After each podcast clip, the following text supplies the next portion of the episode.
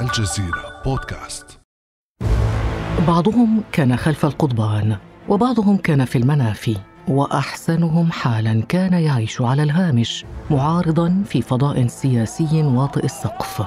ثم جاء الربيع العربي فحملتهم ساحاته وهتافات ثواره إلى الحكم. وكما اختلفت مسارات وصولهم إلى السلطة كان إخراجهم منها كذلك.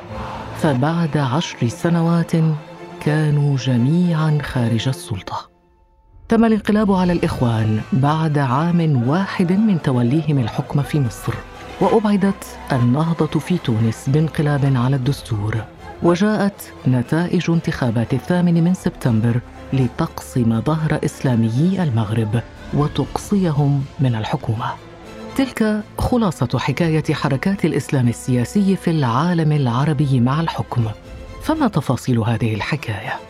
وكيف أدار الإسلاميون وجودهم في السلطة؟ وما حصيله هذه الإدارة؟ وما أسباب تراجعهم؟ وهل حان وقت الأفول؟ أم هي بداية دورة جديدة لهذا التيار؟ بعد أمس من الجزيرة بودكاست أنا خديجة بن جنة.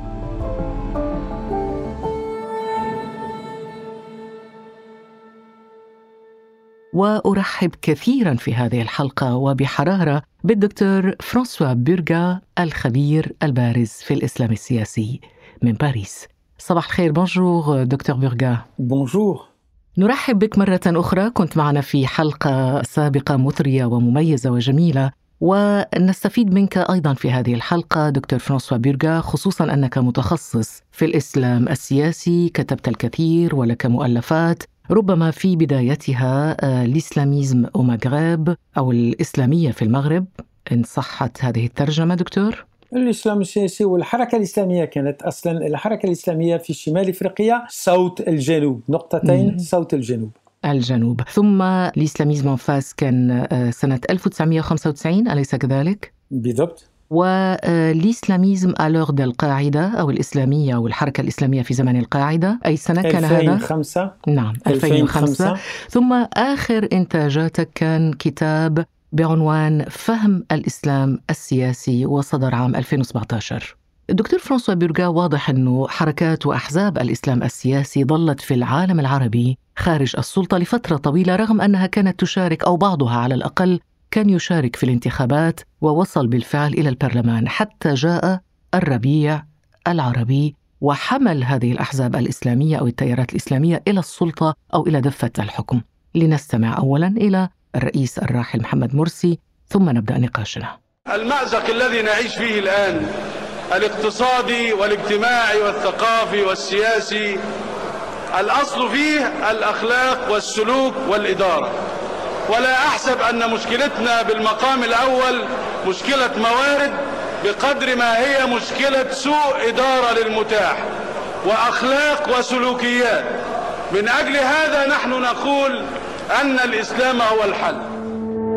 كان هذا طبعا رئيس مصر السابق الراحل الدكتور محمد مرسي في مداخلة له في البرلمان. كان هذا بضع سنوات قبل ثورة 2011 التي على إثرها انتخب رئيسا للجمهورية في العام الموالي يعني سنة 2012 قبل الانقلاب عليه أيضا في العام الموالي 2013 دكتور فرانسوا بيرغا كانت بعض الأحزاب وحركات الإسلام السياسي في العالم العربي تشارك في الواقع في الحياة السياسية الشرعية قبل الربيع العربي والمثال على ذلك مصر حيث كان الإسلاميون موجودون في البرلمان المصري. لكن مشاركتها كانت محدودة. أنت كيف تقيم أولا تجارب هذه الحركات الإسلامية قبل الربيع العربي؟ شكرا من جديد على دعوتكم. بإذنكم اسمحوا لي أن أبدأ بملاحظة قصيرة تمهيدية وأقول أن لما نعالج حاضر ماضي مستقبل التيارات الإسلامية في تقديري علينا أن ما نركز على إيديولوجيات هذه الأحزاب ولكن الأفضل أن نركز على واقع أنهم ليسوا أحزاب لها إيديولوجية معينة لكن أنها أحزاب في الصف الأول من المعارضة لأنظمة استبدادية. فأعتقد أن إذا نريد أن نحقق في وضع هذه الأحزاب علينا أن نضم إلى تحليلنا ممارسات الأنظمة في هذه المنطقة من العالم. فيما يخص مشاركة أو نتائج مشاركة الأحزاب الإسلامية في السلطة قبل الربيع العربي اسمحوا لي أشير إلى آه، مثال معين مثال اليمن. وأنا عشت ست سنوات في هذه المنطقة الجميلة على مرتفعات اليمنية. لما في آخر وهناك تعلمت اللغة العربية دكتور. إلى حد إلى حد. حتى الآن اواجه صعوبات وربما تساعدني ما شاء الله عليك. عربيتك آه جميلة ما شاء الله. لما كنت في اليمن في آخر التسعينات كنا في فترة مشاركة الإسلاميين للسلطة. وما كانت النتائج؟ النتائج كانت كويسة للغاية. دخول اندماج الإسلاميين لحزب التجمع اليمني للإصلاح إلى كل من البرلمان والحكومة أدت إلى مجتمع آه، أكثر مستقر إلى انخفاض مستوى القمع السياسي لنظام علي عبد الله صالح. فهذا من من من جانب. من جانب آخر مشاركة الإسلاميين قبل الربيع العربي كانت آه، في عدة بلدان صفة آه، مشتركة سيئة. أن هذه المشاركة المحدودة للغاية الأحزاب المعارضة الإسلامية يسقطون في فخ. فخ تأييد سياسات غير شعبية تحدثنا على ما قبل الربيع العربي دكتور فرانسوا بيرغا وكيف كان المشهد السياسي وموقع الإسلاميين في هذا المشهد السياسي العربي ما الذي حدث بعد ذلك مع قيام الربيع العربي؟ صناديق الانتخابات الربيع العربي آه، أثبتت مركزية التيارات الإسلامية في كل بلدان المنطقة وخاصة آه، في مصر 66% من الأصوات أو في تونس.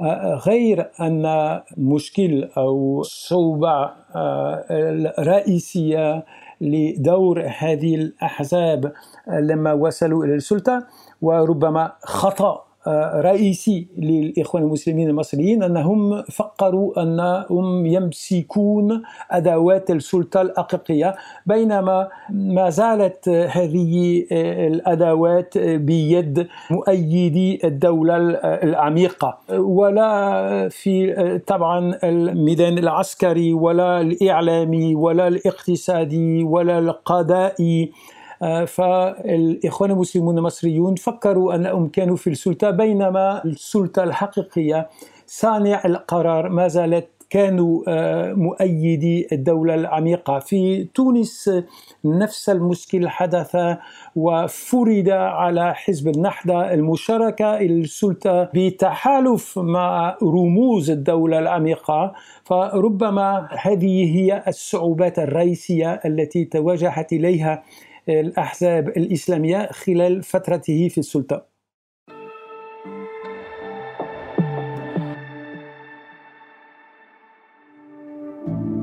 بعد أمس يأتيك صباح كل يوم مع فنجان قهوتك لا تنسى تفعيل زر الاشتراك في تطبيقك لتصلك الحلقات الجديدة في الصباح الباكر.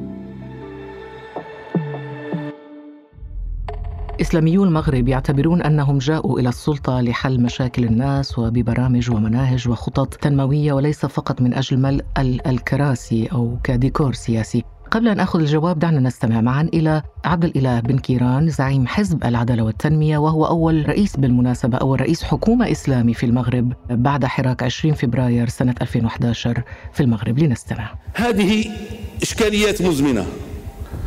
إذا لم نعالجها لماذا جئنا أصلا؟ إذا كنا قد جئنا فقط للمحافظة على الكرسي وللديمومة فيه ففي النهاية هذا مهما حافظت على الكرسي يعني تفقده تفقده. ولكن العمل الحقيقي هو الذي يبقى على الأرض. ثم قلت كذلك لا أمل لنا في النجاح إن لم نواجه هذه الإشكاليات المزمنة التي صعبت على الذين سبقونا. إذا عبد الإله بن كيران يقول إذا جئت للسلطة فقط من أجل الكرسي فإنك ستفقده ستفقده. وبالفعل إسلاميو المغرب فقدوا كراسيهم في السلطة. ما الذي يجعل الإسلاميين يفقدون كراسيهم في السلطة؟ اسمحوا لي وذكرت مدام خديجة إلى عبد الله بن كيران. وعبد الله بن كيران يحدث أنه نوع من الصديق وكنت أعرفه لما كان في صفوف الشبيبة الإسلامية. وأعتذر من عبد الله لكن ما أقوله ليس ضده ووصف الوضع كما تجربته كما كانت. مرة دعاني عبد الله إلى العشاء ولما وصلت إلى دار البي... مطار دار البيدة كان في كان يحدث مشكل أمني وانتظرنا ساعتين قبل أن يسمح لنا الخروج من المطار. لما وصلت إلى دار عبد الله قلت له شو اللي حدث في المطار اليوم؟ فقال لي ما بلغني ما عندي أي معلومات. وهو رئيس حكومة. وهو رئيس حكومة. ثم قلت له ماذا ماذا تفعل حقيقة وأنت رئيس الحكومة؟ قال أنا يسمح لي أن أن, أن أكون مسؤول من الملفات التي ترفضها جميع بقية السياسيين يعني من من من المخزن. هذا هذا هو تجربتي في آه، تناقض وضع الإسلاميين في السلطة. فالسؤال حضرتك ماذا يجعل الإسلاميين يفقدون ثقة المنتخبين؟ أن لما يتبين أنهم لا يفعلون إلا تطبيق سياسات غير شعبية لإضعاف مسؤولية العرش. فهو فيما يخص المغرب. ال PJD لم يمارس السلطة أبدا لكن نجح العرش أن يفرد يحمل مسؤولية سياسات عديدة غير شعبية على آه، المعارضة. من هذه السياسات آه، خيانة خيانة توقعات وآمال الشباب حركة 20 فبراير أو خصخصة أجزاء كبيرة من الوظائف العامة أو إعادة تنظيم نظام التقاعد وأخيرا ولا آخرا تتبيع مع الدولة العبرية. فلمن يقول الآن أن فشلت ال PJD أنا أقول أن من فشل من فشل في خلال هذه الفترة من التاريخ فيما يخص الجزائر مثلا بسرعة ما كان حزب حزب المجتمع الإسلامي حماس الذي أسس على يد محفوظ نحناح إلا لعبة بيد المخابرات. فالمثال أكثر وضوحا في الجزائر لم يمارس حتى الآن الإسلاميون السلطة. نعم وفي مصر؟ وفي مصر خطأ رئيسي آه، للإخوان المسلمين أنهم فكروا أنهم يمسكون هم آه، حقيقة آه، يمسكون أدوات السلطة بينما كل أدوات السلطة كانت في يد مؤيدي الدولة العميقة إذا المشكلة أن هذه الحركات الإسلامية يعني لم تدرك أو لا تعرف كيف تدير إذا علاقتها مع الدولة العميقة في الدول العربية وعندما نقول الدولة العميقة يعني الجيش يعني الشرطة يعني جماعات المصالح اللوبيات يعني القوى المتجذرة في الدولة في المجتمع في الاقتصاد. وخارج الدولة أيضا. وخارج الدولة. وخارج علينا الدولة أن نضيف دور ما أسمى معسكر الثورة العربية المضادة وبقيادة هذه الثورة المضادة الإماراتيون والسعوديون وطبعا المصريون بعد ما حصل سيسي إلى السلطة. والجديد في هذا السياق أن هذا التحالف بين قيادة الثورة العربية المضادة والنخبة الحاكمة في أوروبا وربما المثل أكثر وضوحا ووسام الشرف حصل سيسي عليه من بريزيدون ماكرون. نعم. طيب في هذه الحالة نسأل دكتور فرانسوا بيرغام ماذا كسبت إذن الدول العربية والشعوب العربية من مشاركة الإسلاميين في السياسة وفي السلطة بشكل عام من يعني نتحدث عن السلطة التنفيذية والتشريعية حقيقة مثل ما ذكرت في حالة اليمن أو ممكن نشير إلى الكويت مثلا المجتمعات حصلت على فوائد واضحة آه، في ميدان استقرار المجتمع استقرار النظام انخفاض مستوى القمع السياسي. لما آه، بدأت اليمن تجربة مشاركة الإسلاميين إلى البرلمان والحكومة كانت الجزائر في اتجاه عكسي تماما في خلال التسعينات. منع الإسلاميين من مشاركة السلطة رغم انتصارهم في آه، صناديق الانتخابات. والفرق واضح بين وضع الداخلي لليمن خلال التسعينات ووضع الجزائر خلال مثل هذه السنوات.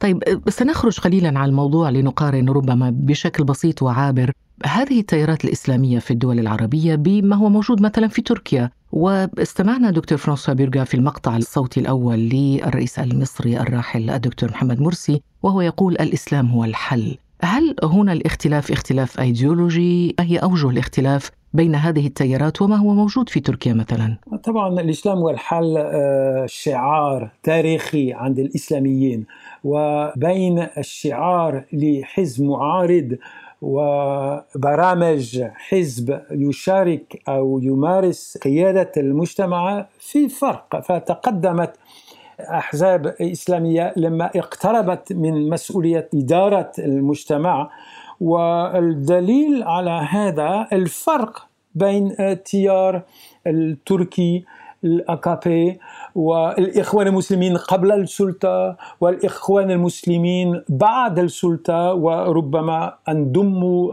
راشد الغنوشي آه، إلى هذا المشهد وربما تتذكر ان راشد غنوشي قبل سنتين قال ربما نتخلص في آه، المستقبل القريب من تسمية أحزاب إسلامية لسنا إلا مسلمين ديمقراطيين. فمن جديد مفهوم التيار الإسلامي ليس مفهوم علمي إذ يضم كل من البغدادي وغنوشي. فطبعا لابد من عودة إلى تنوع التيار الإسلامي إلى التفريق بين تيار الغنوشي وتيار البغدادي.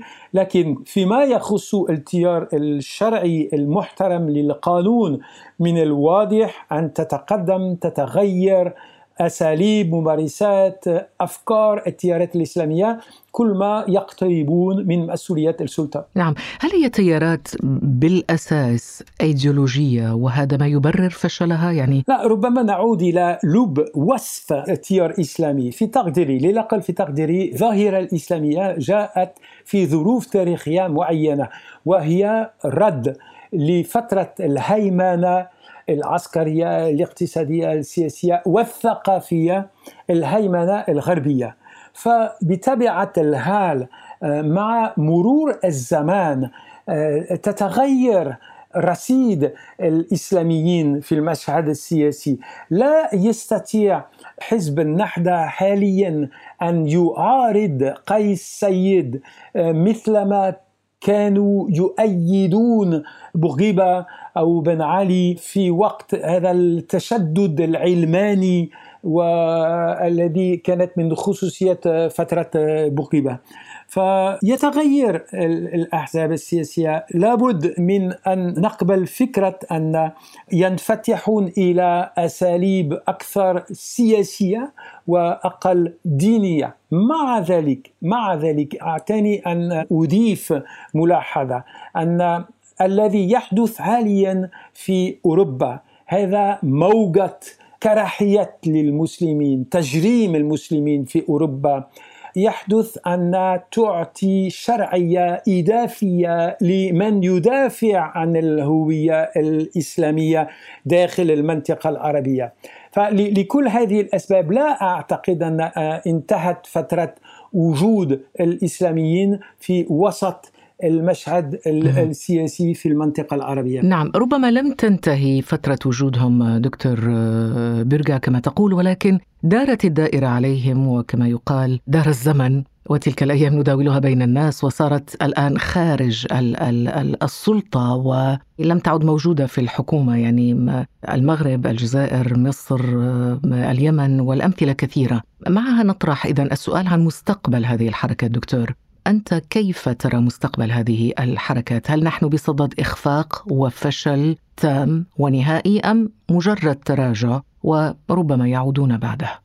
لما نحقق في مستقبل التيارات الإسلامية أفضل أن نقول آه، نحقق في مستقبل المعارضة في هذه المنطقة. نتخلص من التسمية الإسلامية فأين المعارضة في المنطقة؟ للإجابة على هذا السؤال لازم أن نقول أين هي الثورة المضادة أين هي الاستبداد في المنطقة العربية؟ ومع الأسف الاستبداد في مساعدة الأوروبيين في فترة لبس بها من القوة.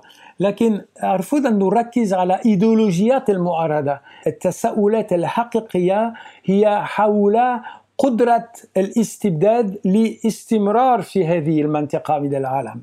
إذا م. تنتهي فترة الاستبداد في هذه م. المنطقة أنا مقتنع أن جيل جديد تصل إلى السلطة. وحاليا ما أرى ما أرى؟ تيار سياسي شعبي قوي منتشر ليس في وسائل الإعلام آه، المسيطر عليها آه، من الأنظمة لكن في الشعوب. لا أرى آه، تيار سياسي يتمتع من شعبية تقارن بشعبية الإسلام السياسي حاليا. لذا أقول أن المستقبل هذه التيارات حتى الآن مفتوح. رغم شعبيتهم دكتور برجا كما تقول يعني لم ينجحوا لا في المعارضة ولا في السلطة. ولكن عندما نستمزج أو نستشرف المستقبل مستقبل التيارات الإسلامية هل ما زالت لها مصداقية تضمن لها هذا المستقبل؟ إذا كان التطبيع مع إسرائيل قد قضى على جزء كبير من مصداقية الإسلاميين. لا قضت على مصداقية آه،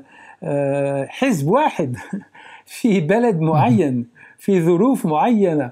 أعتقد أن قاسم مشترك التيارات الإسلامية حاليا أنهم يرفضون ينظرون إلى موقف آه، ال PJD كخطأ. خطا واضحة. فلا أعتقد أن فقد التيار الإسلامي ككل شعبيتها نتيجة خطأ ال PJD نعم خطأ داخلي أم هناك أيضا تأثير خارجي؟ فيما يخص التأثير الخارجي علينا أن ما نبلغ آه، ولكن أن لا نقلل. جوز لبس به من الوضع هي نتيجة التدخل الأجنبي. وربما علينا أن نعود نقول أن هذا التحالف بين قيادة الثورة العربية المضادة مع ماكرون ومع قيادة الأوروبيين تلعب دور لصالح الحركات الإسلامية. عادوا الحركات الإسلامية حاليا الإماراتيين وماكرون. وأنتم تعرفون أن دور فرنسا تؤدي إلى إلى نتائج عكسية من إرادة الرئيس الفرنسي فمعارضة فرنسا للتيارات الإسلامية إلى حد كبير تساعد هذه الأحزاب طيب في الأخير أفهم منك دكتور فرانسوا بيرغا أنه هذا التراجع هو التراجع وليس دليل على انتهاء الإسلام السياسي ولكن ربما قد نشهد بداية دورة جديدة لهذا التيار مستقبلا أليس كذلك؟ هناك تراجع نسبي فقط. خسارة ال PJD في الانتخابات أو اختفاء حركة حماس في الجزائر لا يمثل مستقبل التيار الإسلامي ككل. مثلا انظر إلى حركة رشاد في الجزائر وتأخذ فكرة مناقضة تماما لفكرة آه، تراجع حركة حماس أو آه، تراجع ال PJD في المغرب. شكرا لك المفكر الفرنسي الدكتور فرانسوا بيرغا على تلبية الدعوة وعلى هذا النقاش الثري حول مستقبل التيارات الإسلامية في العالم العربي. شكرا لكم. كان هذا بعد أمس.